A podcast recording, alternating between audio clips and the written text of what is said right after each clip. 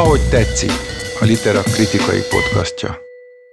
Köszöntöm a hallgatóinkat, ez a Litera kritikai podcastjának 36. adása. Én Greff András vagyok, ma Szekeres Dórával Cormac McCarthy utolsó két regényéről, kisregényéről fogunk beszélni. Ezeknek a címe az Utas és Stella Maris, mind a kettő a jelenkornál jelent meg tavaly, a fordító Greskovics Endre volt.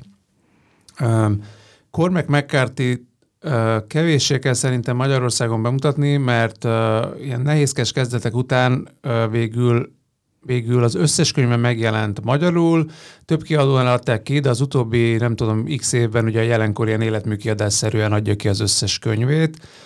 Cormac McCarthy az amerikai 20. századi irodalom egyik jelentős alakja volt, 2002-ben, ha jól emlékszem, nem, 2023-ban tavaly halt meg, ugye? Tavaly, tavaly halt meg, a könyv, ez az utolsó két könyv pedig előtte évben jelent meg, tehát ő még megérte ezeknek a megjelenését.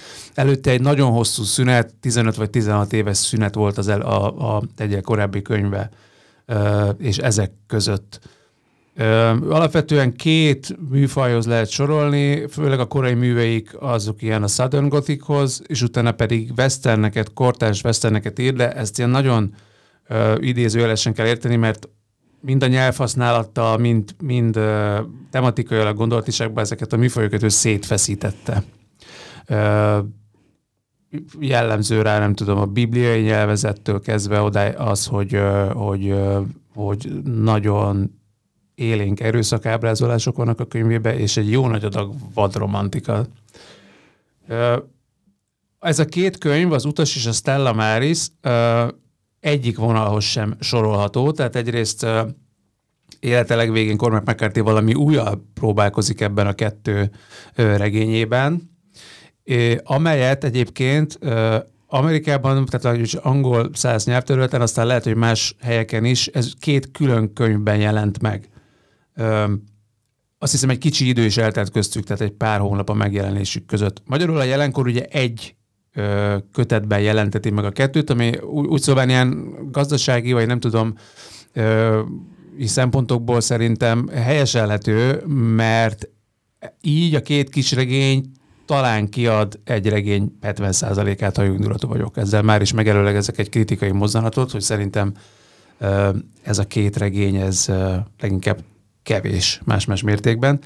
De induljunk akkor ki ebből, Dóra, hogy arra kíváncsi lennék, hogy szerinted ez egy könyv, vagy két regény, vagy egyáltalán van-e tényleg szoros kapcsolat a kettő között? Mert ez úgy néz ki, hogy uh, alapvetően két testvérpárról van szó, a fiú testvérpárról szól az utas, és a lányról pedig a Stella Maris, a lány egy matematikus zseni, a fiú egy nagyon tehetséges ö, fizikus, fizikus meg, meg hát mindenféle érdekes dolog történik. Az apjuk benne volt a fikció szerint a Manhattan programban, ott az Oppenheimerék környékén, úgyhogy van egy csomó ö, filozófia, meg matematika benne, meg, ö, és, ö, és az, de az utasban csak a fiúval megyünk végig, mert ott a fikció szerint a lány már halott, és a Stella Marisban pedig csak a lányjal vagyunk egy egy pszichiátrián, ott meg a, a, annak a fikciónak szerint a fiú halott. Igen, tehát a Stella Marisban, ami egy igen. Ö, ö,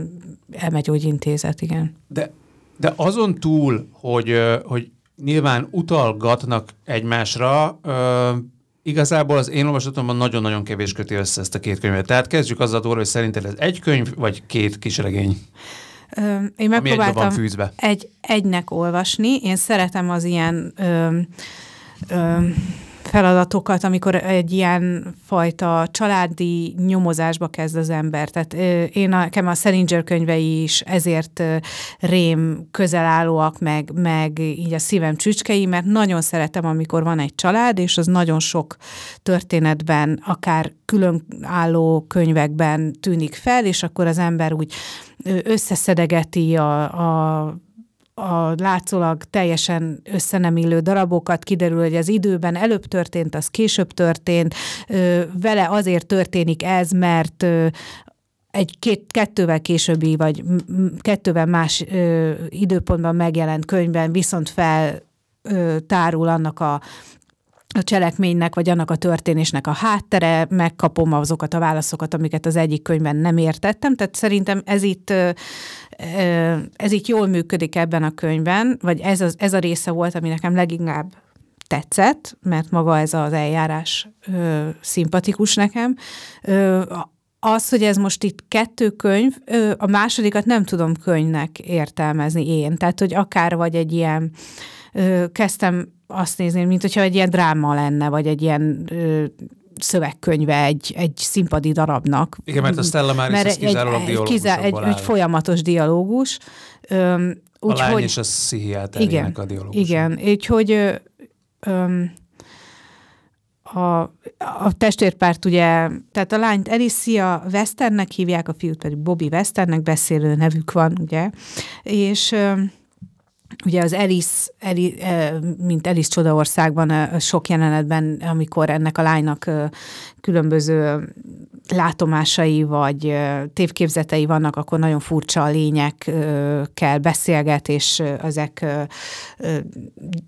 tekinthetők az ő nem tudom, barátainak, vagy tehát nem kevés emberi ö, kapcsolatot tud ő kialakítani, barátságot, vagy akár párkapcsolatot, ezekről nem tudunk beszélni.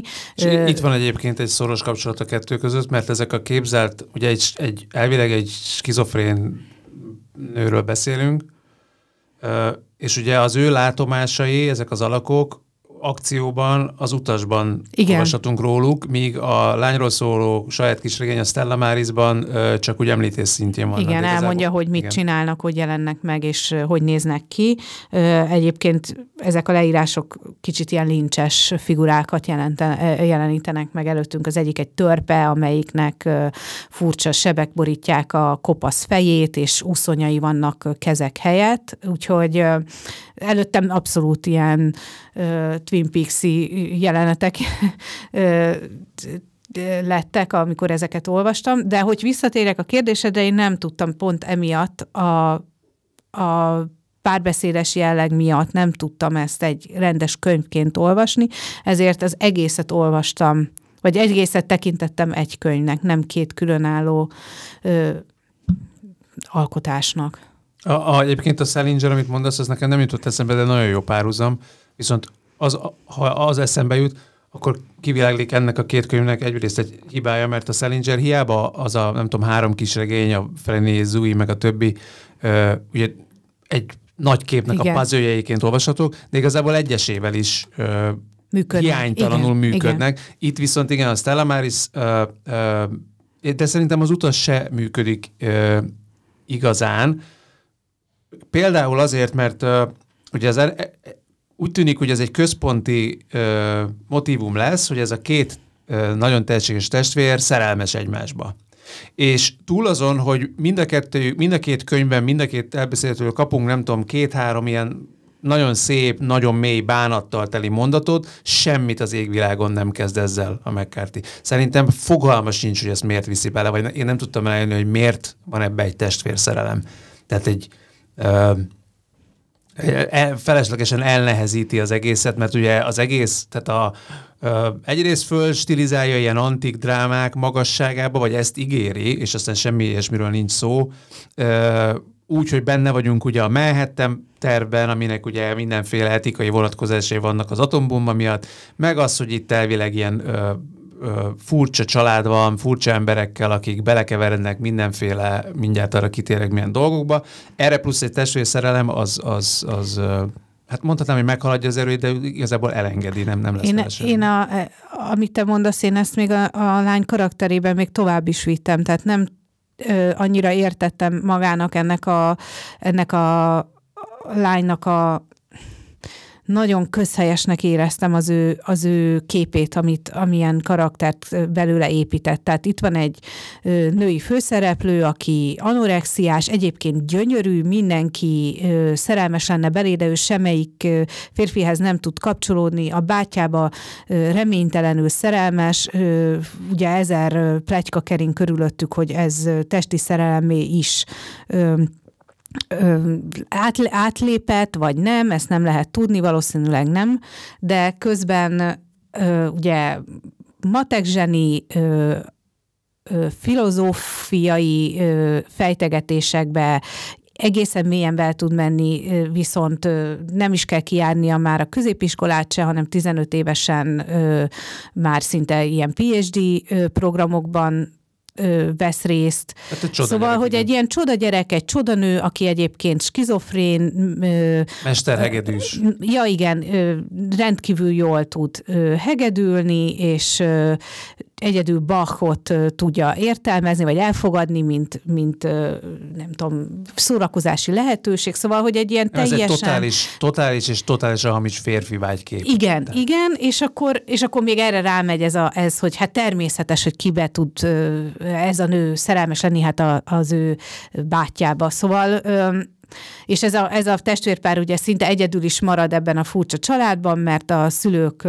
meghalnak, nagy, nagyszülők vagy a nagymama nem tud kapcsolódni se a fiúhoz, se a lányhoz, a, senki nem érti meg őket. Szóval, hogy itt én e, ennek a, ahogy ezt olvastam, pont ezen gondolkodtam, hogy most mihez tudok kapcsolódni, amikor visz magával egy könyv a történethez, vagy ahogy meg van írva, vagy ami kérdéseket fejteget, és így azt vettem észre, hogy hogy szinte semmihez. Tehát amikor a Stella Marisban vannak ö, mély fejtegetések az univerzum működésével kapcsolatban, meg hogy a, a világűr ö, és ahhoz a matematikai ö, képletek meg ezeknek a megfejtése közelebb tud-e minket vinni a, a világűr rejtélyeinek megoldásához, azok engem nagyon, nagyon magával ragadtak, és nagyon tetszettek, de közben ezek csak ilyen kis fragmentumok voltak az olvasás során, mert nagyon Igen. nehezen, nehezen tudtam ezt, nem, nem tudott szórakoztatni. Igen, hogy az nagyon érdekes, hogy, hogy, a, hogy folyton ezekről a, a 20. század nagy matematikusairól, meg az ő nagy elméleteikről beszélgetnek, nem tudom, Gödeltől a, a Mehettem projekt tagjaiig. Én egy zárójelben megjegyzem, hogy azt nagyon érdekesnek találom, hogy látszólag a, a nyugati kultúrában most hirtelen egyszerre mindenki ráfókuszált erre a témára. Tehát, hogy, De maga McCarthy is ugye az élete utolsó ö, két évtizedében a Knoxville-i, most meg nem mondom pontosan az intézet nevét, de hogy ő, ő egy ilyen kutatóintézet, hálózat tagja, volt az tagja vagy, vagy azokkal szoros együttműködésben volt, ön rengeteg filozófus, jövőkutató, vagy egyáltalán matematikus társaságában töltötte az idejét. Szóval amik itt benne vannak, ezek, ezek az ő őt érdeklő kérdések, ezeken Igen. valószínűleg az ő monológiait olvassuk, amiket ő akár egy-egy ilyen találkozó alkalmával ö, végigbeszélgetett az ő ö, társaival, vagy Igen, és barátaival. vannak megírva ezek a részek, meg, meg hát iszonyatosan az a 20. század, nem tudom, fizikája, matematikája ö, nagyon érdekes, de ugye számomra ez is az elején óriási elvárásokat kelt, hogy valamire ki fogja futtatni, uh-huh. de igazából ez, azt nem mondom, hogy egy Wikipédia szócikkszerű, annál kicsit magasabb, de mondjuk egy jó minőségű, nem tudom, Atlantic, vagy valami jó minőségű folyóirat cikknél nem mond többet semmiről. Tehát azért Cormac McCarthy lehet, hogy mélyebben érti ezeket az elképesztően bonyolult és valószínűleg a maga teljességében követhetetlen elméleteket, de az olvasónak olyan nagyon, hogy ezeknek a mi a szépsége, egy-két dolognál, nem tudom, ilyen beszélgetnek a szubatomi részecskékről, meg mindenféle egyébről, talán egy-kettőnél meg, megjeleníti, de de úgy a könyv felétől engem ez semennyire nem érdekelt. És még de be akarom fejezni ezt a gondolatot, hogy milyen érdekes, hogy a, volt ugye az Oppenheimer film most, akkor meg mccarthy is ez ragadta magával, és most jelent meg magyarul ez a Maniac című regény, ami szintén ezzel a körrel, meg Neumann Jánossal foglalkozik, hogy van egy ilyen hirtelen támadt, vagy hát úgy tűnik, hogy hirtelen támadt érdeklődés a, a természettudományok felé. Itt a könyvben is valahogy azt pedzegetik, mint hogyha ez, ez váltaná ki a vallást, meg a filozófiát, meg mindent, de ez jóval kevésbé érdekes, mint, mint amit ez így ígér. És a, a másik könyvben viszont azért van egy, egy nem is tudom, krimiszál, vagy hogy, hogy, hogy nevezzük, amikor, amikor a, a Bobby egy mélytengeri, egyébként mélyteng, nem mélytengeri, tengeri, ö, hogy mondják, búvármentő, van, van egy ilyen a sok foglalkozása között, e, ez, ez az egyik foglalkozása, és akkor ott egy ilyen mentés alkalmával valamilyen furcsa rejtére akadnak, hogy lezuhant egy érték, különösen értékes furcsa magánrepülő, aminek volt hét utasa és a pilóta, meg a másodpilóta személyzete. Valójában nyolcan kellett volna, hogy legyenek, de ez a nyolcadik ember nincs ott az áldozatok között, és akkor a, őt felkeresi a meg nem nevezett valószínűleg FBI vagy CIA, tehát hogy az egy, egy ügy, ö, ö, ügynök pár, hogy akkor itt ö, feltennének neki néhány kérdést, és akkor így kerül egy, egy ö, rejtélyes, nem tudom, megtaláltatlan, vagy kideríthetetlen ügynek a szereplője lesz, amiben menekülnie kell.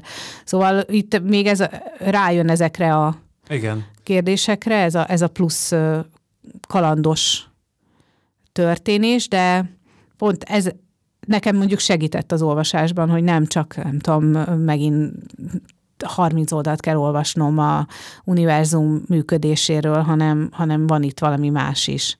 Nem, az nagyon érdekes ez a rész, és nekem kettő dolog is eszembe jutott róla. Uh, ugye már az elején megpendítettem, hogy, hogy ez nagyon más típusú könyv, mint a Cormac McCarthy összes eddigi regénye. Tehát nyelvhasználata is más, meg az egész felfogása is más. És uh, ez, hogy benne vagyunk valamiféle titokzatos, egy ilyen paranoiás, egy jelen világban, ahol minden, minden valamire utal, itt előhozzák a Kennedy gyilkosságokat, meg más ilyen mahinációkat, tehát hogy valahogy a, kormány, meg a nem tudom, a, a, a mögötte levő sötét erők, vagy a titkosszolgálat, valaki ugye kavar a háttérbe, ezt sejtetik, de ugye nem megyünk ennek a végéig. És hogy ez, ez eszembe jutotta nekem erősen a Thomas Pinchonnak a kísérleti fázis, fázis című regényét, ahol szintén egy ö, ott is valamilyen nyomozásban vagyunk, aminek nem igazán jutunk a végére, de közben közben látjuk, hogy milyen a, nem tudom, 2000 körüli Amerikában a, nem tudom, a közhangulat, meg hogy mik, mikkel szórakoztatják egymást az emberek. Itt is van egy ilyen. És a másik, ami, ami, ami szerintem nagyon érdekes, hogy ugye az regénynek az, ugye az angol címe is az, hogy az utasat ugye Passenger. És a Passenger az a, az egy Antonioni filmnek a címe, ami magyarul foglalkozási riporter címen mutatták be. Ez ugye az, biztos sokan látták a hallgatók is közül, amikor Jack Nicholson ugye ellopja egy másik embernek a személyazonosságát, és megpróbál új életet kezdeni, és ott is mindenféle, hát van egy ilyen fenyegető hangulat, és a végén ugye meg is hal a főhős. És ez a regény ugye nagyjából ezt a motivumot viszi végig, illetve eszembe jut róla még egy Antonioni film, a Kaland, ami, amiben ugye meg azt, az van, hogy ott is eltűnik az elején egy szereplő, ott egy nő tűnik el, az nagyon fontosnak tűnik az elején, majd aztán a nem tudom, film második fel már, már teljesen másról szólt, de ennek az árnyékában, és ez is, ez is ezzel kísérletezik, hogy elkezd egy krimiszálat, amit abszolút lehet az első századat klasszikus krimiként olvasni. Eltűnik valaki. Eleve ez a, a méte, ez a, a, ahogy kimentik a, a repülőt, azt szerintem nagyon erős, hogy nekem nagyon nagyon megképződött a szemem előtt, meg utána elmegy egyszer azt hiszem egy olajfúró toronyra, az is szerintem nagyszerű jelenet utána akkor rájövünk, hogy eltűnt egy utas, kihúztak nevet, akkor valaki átkutatja a főhős szobáját, amíg nincs ott, ez tényleg egy ilyen klasszikus paranoia thriller. De utána ez így teljességgel leválik róla, és nem azt mondom, hogy, hogy ez baj, mert ettől ez érdekes, csak hogy utána olyan nagyon sok minden kerülne a helyére, azt, azt nem érzem egészen a regény végéig, ami szintén nekem nagyon, nagyon erős volt. Tehát, hogy addig kicsit ugyanazokat a köröket futjuk, tehát a főhős bemegy valahova, inni, összetalálkozik különböző hát olyan embereknek, akik érdekesnek kéne gondolnunk, de igazából Igen. az ég adta világon semmit nem tudunk meg Se a kinézetük, se a beszéd, mondjuk semmi nem. És velük vagy beszélnek a családról, néha szóba kerül a huga, néha az apjuk, aki ott az Oppenheimernél kavart, néha a fizika, néha az ügy, amin dolgoznak, majd eltűnik, és ez megismétlődik ötször, hatszor. A végén ugye az van, hogy, hogy mint az Antonioni filmben a Jack Nicholson, a főhős megpróbál egy új életet kezdeni valahol. És ott ilyen nagyon szép, ilyen keserű, egzisztencialista futamok vannak, hogy hát arról, hogy, hogy igazából egy, én ezt egy ilyen önvallomásnak olvastam a mccarthy hogy egy idős szerző élete végén megpróbál választ adni arra a kérdésre, hogy, miért, hogy van-e bármi, amit meg lehet fogni, és szerintem mind a két könyvben ő, ő, ő oda jut, hogy az abszolút semmi nincs. Tehát a nagy, nagy matematikusok is vagy megőrültek, vagy feladták, ez uh-huh. van mhm. a Stella Marisban, mert rájöttek, hogy mindent lehet még kisebbre, még kisebbre ö, bontani a végtelenség, és mindig újabb és újabb hal- halálosan érdekes kérdéseket lehet feltenni, de válaszokat nem kapunk. Az utasban meg ennek egy ilyen lírai verziója van, hogy a főhős ott tengleng egy tengerparton, mereng, rohadt szomorúan. Ezt én szépnek láttam, ezt a, ezt a végét.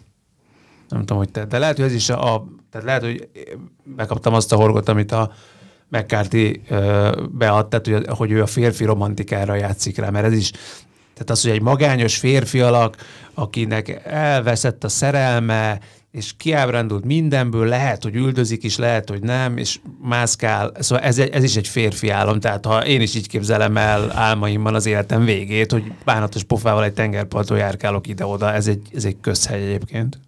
Ö, igen, én inkább azon gondolkodtam, hogy hogy, hogy szabad-e nekem ilyeneket gondolnom, hogy ez milyen közhelyes, hogy, hogy, hogy miért kell ennyire közhelyesen, vagy ennyire, nem tudom, ez se szép gondolat, hogy ez, ahogy mondtad, hogy ez egy ilyen férfi könyv, és lehet, hogy azért nem tud megfogni engem, mert olyan közhelyesen gondolok magamra, hogy én meg akkor egy női olvasó vagyok, és azért nem é- tudok közel kerülni ehhez, de lehet, hogy csak ennyiről van szó, nem tudom. Ö, az, az a baj, hogy ezeket ö, mindig arra gondoltam, hogy hogy pontosan tudom, hogy hányan nagyon szeretik megkátit, és hogy mennyire közel áll hozzájuk, és mennyire el tudják kapni ennek a hangulatát, és hogy nekem ez mennyire nem megy. Tehát, hogy teljesen leesik rólam. Nem, semennyire nem tudok ö, ö, mindig, szerintem minden könyv, ami, ami, közel, ami közel kerül hozzánk, az az valahol a szívünkbe kell tudni zárni. És nekem ez egyáltalán nem ment. Tehát ö, minden alkalommal ö, ö, se nem volt túl érdekes intellektuálisan, se nem volt ö, úgy az a fajta írás, ami engem szórakoztat, vagy magával ragad. Szerintem, ami magával rag, tudja ragadni a, az olvasót, és ezt mindenképp akartam emelni, az a magyar fordítónak mm-hmm, a teljesítmény. Tehát, a, a mondatoknak van egy jó nagy húzó ereje. Igen, igen, igen, igen. Tehát, hogy itt nem arról van De szó, hogy itt az, a hogy... fordítás nem volt jó, tehát, hogy csak egyszerűen maga ez a stílus, vagy ez a... Igen.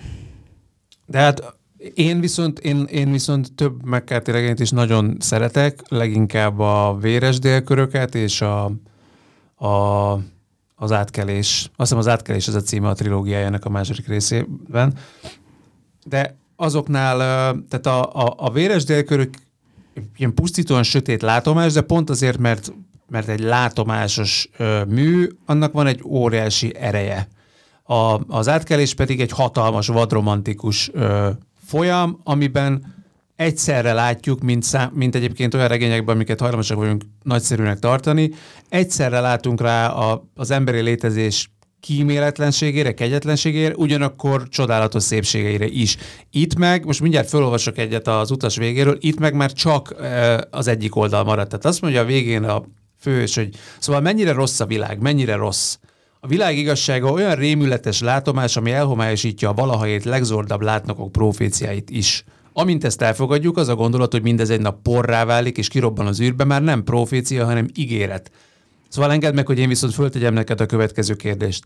Amikor mi és minden művünk eltűnik minden emlékével és minden olyan géppel együtt, amiben az ilyen emlékek bevihetők, hogy ott tárolni lehessen őket, és a földből már hamu sem marad, kinek jelent ez tragédiát? Szóval ez egy teljesen más, szerintem szemszög, ez a fajta keserű és kiégett, és, és a világ már csak az értelmetlenséget látja mindenben. Tehát ha így nézem, hogy nem tudom, ez valamiféle, nem tudom másnak olvasni, mint egy önvallomásnak. Igen, vagy egy ilyen önvallomás és lezárása egy... Egy pályának. Egy pályának igen, egy igen. búcsúnak. Ö, és ugye az is eszembe jutott, hogy, hogy ugye, amit említettünk az elején, hogy 16 év telik el az előző könyv, amit, ami is az út volt talán, az a posztapokaliptikus mű, amiből egy viszonylag sikeres film is készült. és e között, hogy én próbáltam néha úgy is olvasni, hogy ezek a, a, a mindenféle eltűnt, meg már, már meg nem talált és keresett dolgok, amikről a két testvér beszél a két regényben, hogy ezek valószínűleg maga az írás is lehet. Tehát, hogy a McCarthy nem, hát eleve iszonyatosan, nem is tudom, 80 fölött volt, tehát az élete alkonyán volt, 16 éven 90 nem, volt, azt hiszem. 90, uh-huh. igen.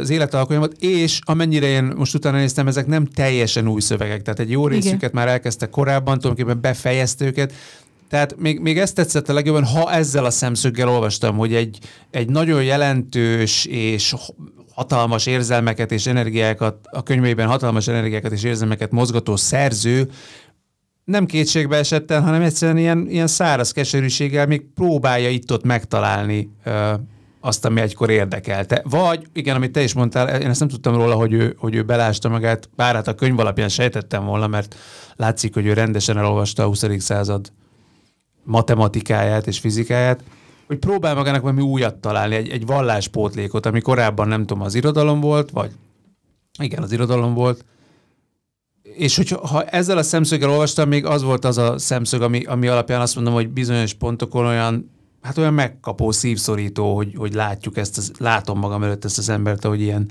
hogy még próbálja összeszedni azt a maradékot. De inkább arról beszél, hogy ez úgy elveszett, eltűnt.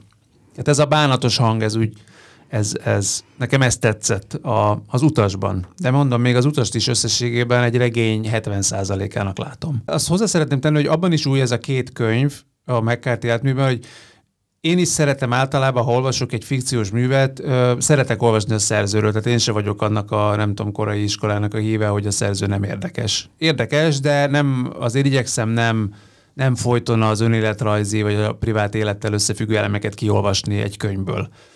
És Cormac McCarthy, nem tudom, a, a véres délköröknél, vagy a nem vénnek való vidéknél nem különösebben jutott eszembe egyszer se, hogy az, azt látom, hogy mit gondol a szerző a világról, meg a kortárs amerikai viszonyokról mondjuk, de az, hogy, hogy, hogy ezt megfeleltessen valaminek, az nem jutott eszembe, itt viszont eszembe jutott, és hogy még annyit tennék hozzá, hogy eleve lehet, hogy ez maga a lány is egy önarckép. Tehát a félőrült zseni, az Cormac McCarthy. Nagyon könnyű lenne őt így bemutatni.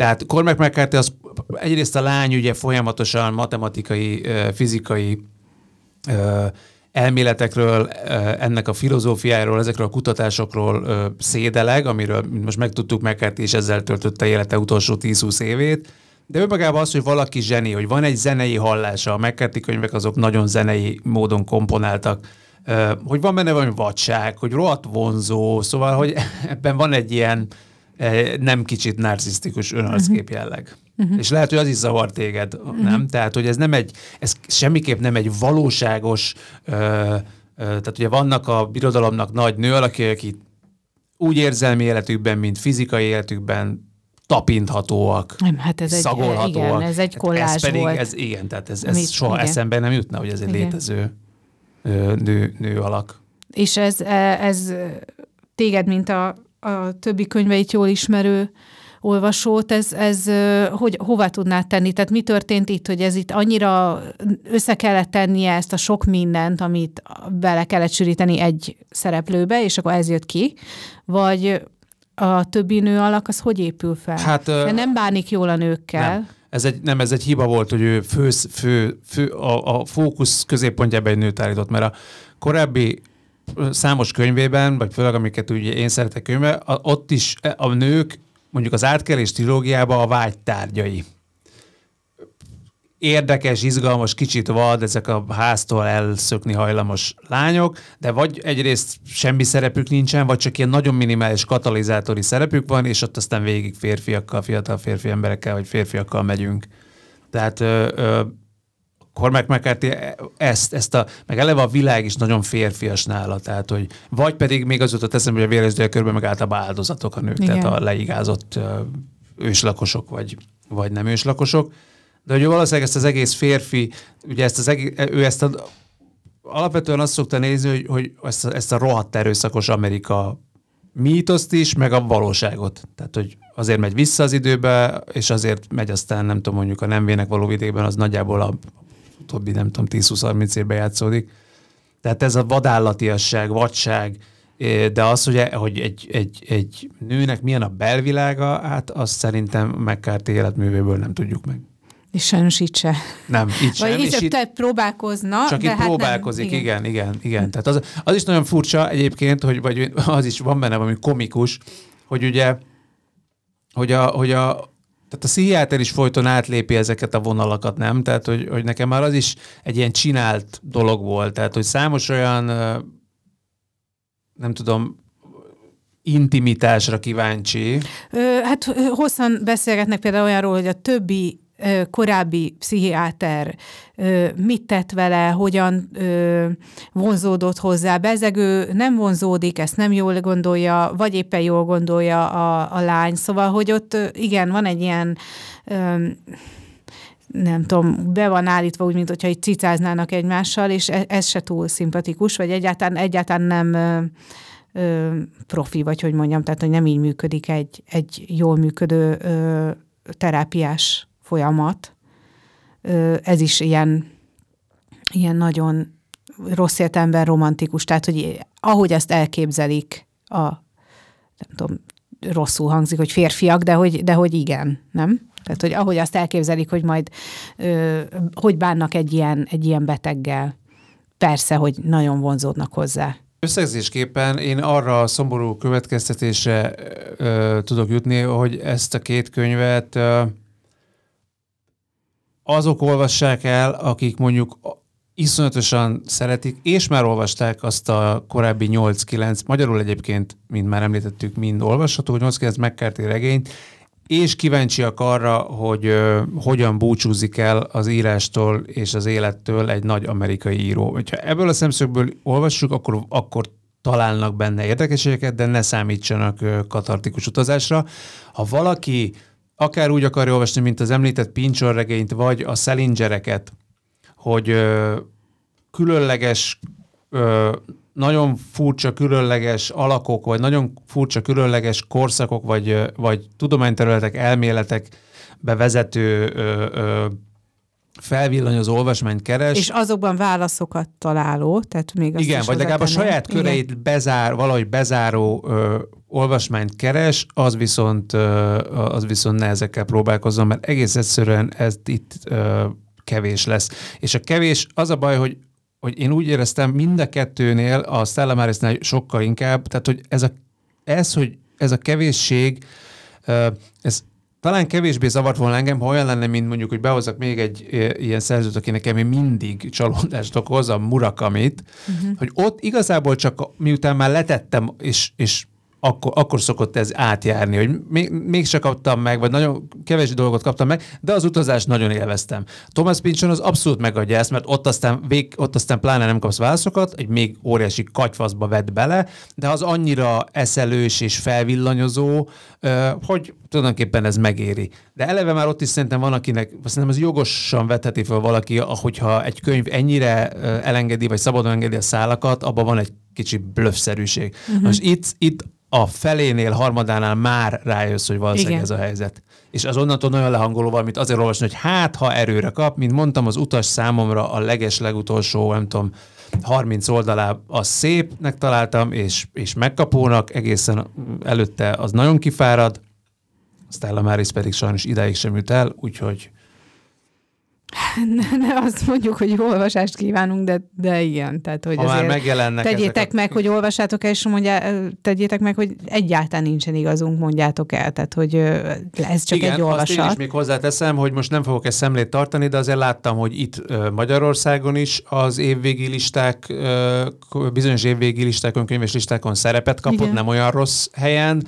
Egyébként általában azt azért hozzá kell tegyem, hogy amennyire most csak átpörgettem, az, a, a magyar meg az angol száz kritikák is az utasra fókuszálnak Igen. erősebben, és az angol száz kritikába, az angol száz kritikát is megosztotta, voltak nagyon-nagyon negatív vélemények, de voltak, akik üdvözölték eleve azt, hogy teljesen másba kezdett, és hogy, és hogy ez valami sikeres projekt volt. Mi ennyit tudtunk hozzátenni. Sziasztok!